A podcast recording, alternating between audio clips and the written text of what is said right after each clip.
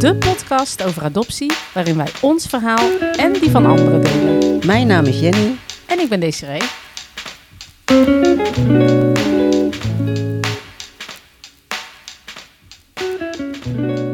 Mijn naam is José Montoya. Ik weet niet wie mijn moeder is. Wat ik wel weet is dat ik in een kinderthuis zat toen ik 3,5 jaar was. Daar ben ik geadopteerd door Nederlandse mensen en zo kom ik hier terecht.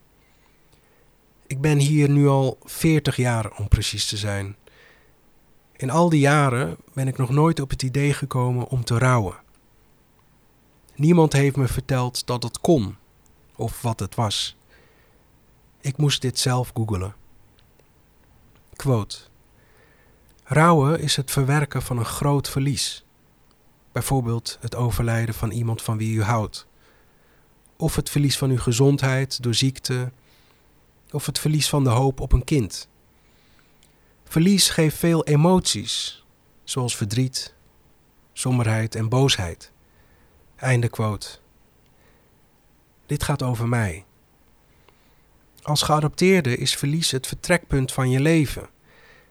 En volgens Google mag je daarom rouwen. Daar gaan we. Ik rouw. Ik rouw voor de moeders. Moeders over de hele wereld die hun baby negen maanden lang met zich meedroegen en soms in onmogelijke omstandigheden ter wereld brachten. Soms moesten ze het moeilijke besluit maken om hun eigen kind weg te geven. Soms werden ze gedwongen het af te staan. En soms werd hen verteld dat hun baby doodgeboren was, om later te ontdekken dat het ziekenhuis ze had doorverkocht aan ouders in het buitenland. Deze moeders hebben geen afscheid kunnen nemen. Zij hebben hun kind nooit vastgehouden. Zij wisten niet dat het de laatste keer was en ze elkaar nooit meer zouden zien. Ik rouw. Voor jullie. Maar ook voor de Nederlandse moeders, die zelf geen kinderen konden krijgen, omdat ze onvruchtbaar waren of een partner. Soms likte het gewoon niet om zwanger te worden. Soms werd het pasgeboren kind doodgeboren. Hoe verdrietig is dat? Ook deze moeders moeten gerouwd hebben. Maar meestal gebeurde dat niet. Veel verdriet werd doodgezwegen, ontkend, overheengestapt of opgevuld met een ander kind uit een ander land. Ik rouw. Ik rouw om de baby's die werden ingevlogen. Kinderen die een veilige thuisbasis nodig hadden en soms niet kregen. De liefde die hen beloofd was, kwam niet altijd. Daardoor groeiden ze op met het idee dat ze voor zichzelf moesten zorgen. En dat deden ze. Ze werden jongerenwerker of psycholoog gespecialiseerd in omgaan met adoptie. Ze werden zelfstandig ondernemers en zetten stichtingen op om geadopteerden die ook zoekende waren te helpen. Ze organiseerden roetsreizen naar hun geboorteland, leerden hun geboortetaal te spreken en ze zochten naar hun geboortepapieren om familie te vinden. Geadopteerden hielpen mede-geadopteerden te ontdekken wie zij zijn, wie wij zijn. Want als wij het niet voor elkaar doen, wie dan wel? Ik rouw. Ik rouw om geadopteerden die er niet meer zijn. Lotgenoten die kozen uit het leven te stappen, hun nieuwe leven. Met een dak boven hun hoofd, genoeg te eten, geld om spullen te kopen, en toch gingen ze. Nooit zullen we ze terugzien. Al onze rijkdommen en privileges waren niet genoeg om ze tegen te houden of gelukkig te maken. Wat zij misten was onbetaalbaar. Een gevoel om ergens bij te horen, op je plek te zijn. En thuis. Ik rouw. Ik rouw om de schuld. De schuld die vooral bij het kind gelegd wordt. Maar het kind is altijd onschuldig. Het heeft er niet voor gekozen hier te zijn en is daarom niemand iets verschuldigd. De kinderwens is van de ouders en niet van het kind. Als iemand daar dankbaar voor moet zijn, zijn dat de ouders. Ik rouw.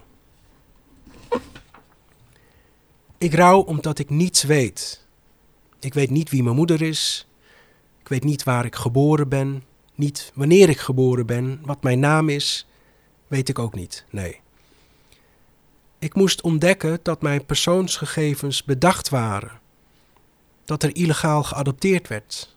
Dat ziekenhuizen, kloosters, weeshuizen, adoptiesbureaus corrupt waren en de Nederlandse regering daaraan meewerkte door jarenlang misstanden van kinderroof en mensenhandel in de doofpot te stoppen.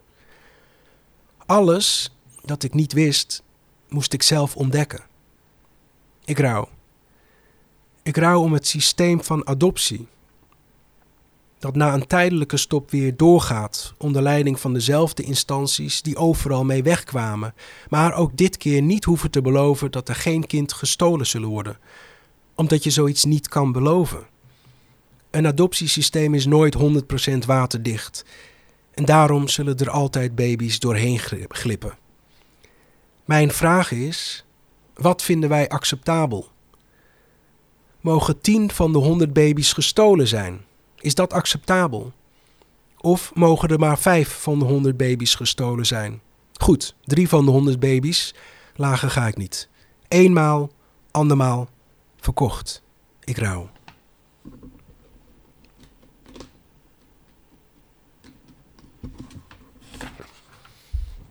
Ik rouw.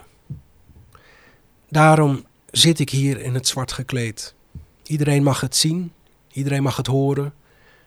Mijn rouwproces is begonnen.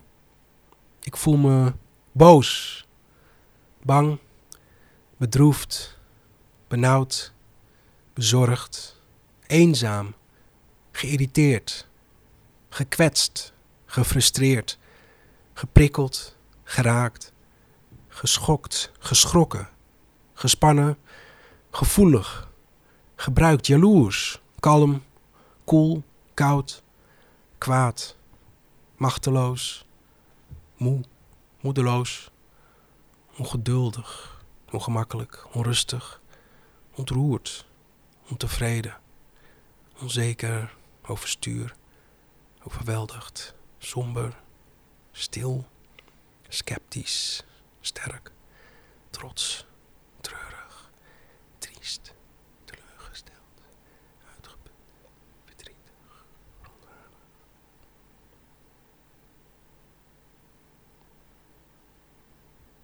en het mag er allemaal zijn. Dank jullie wel.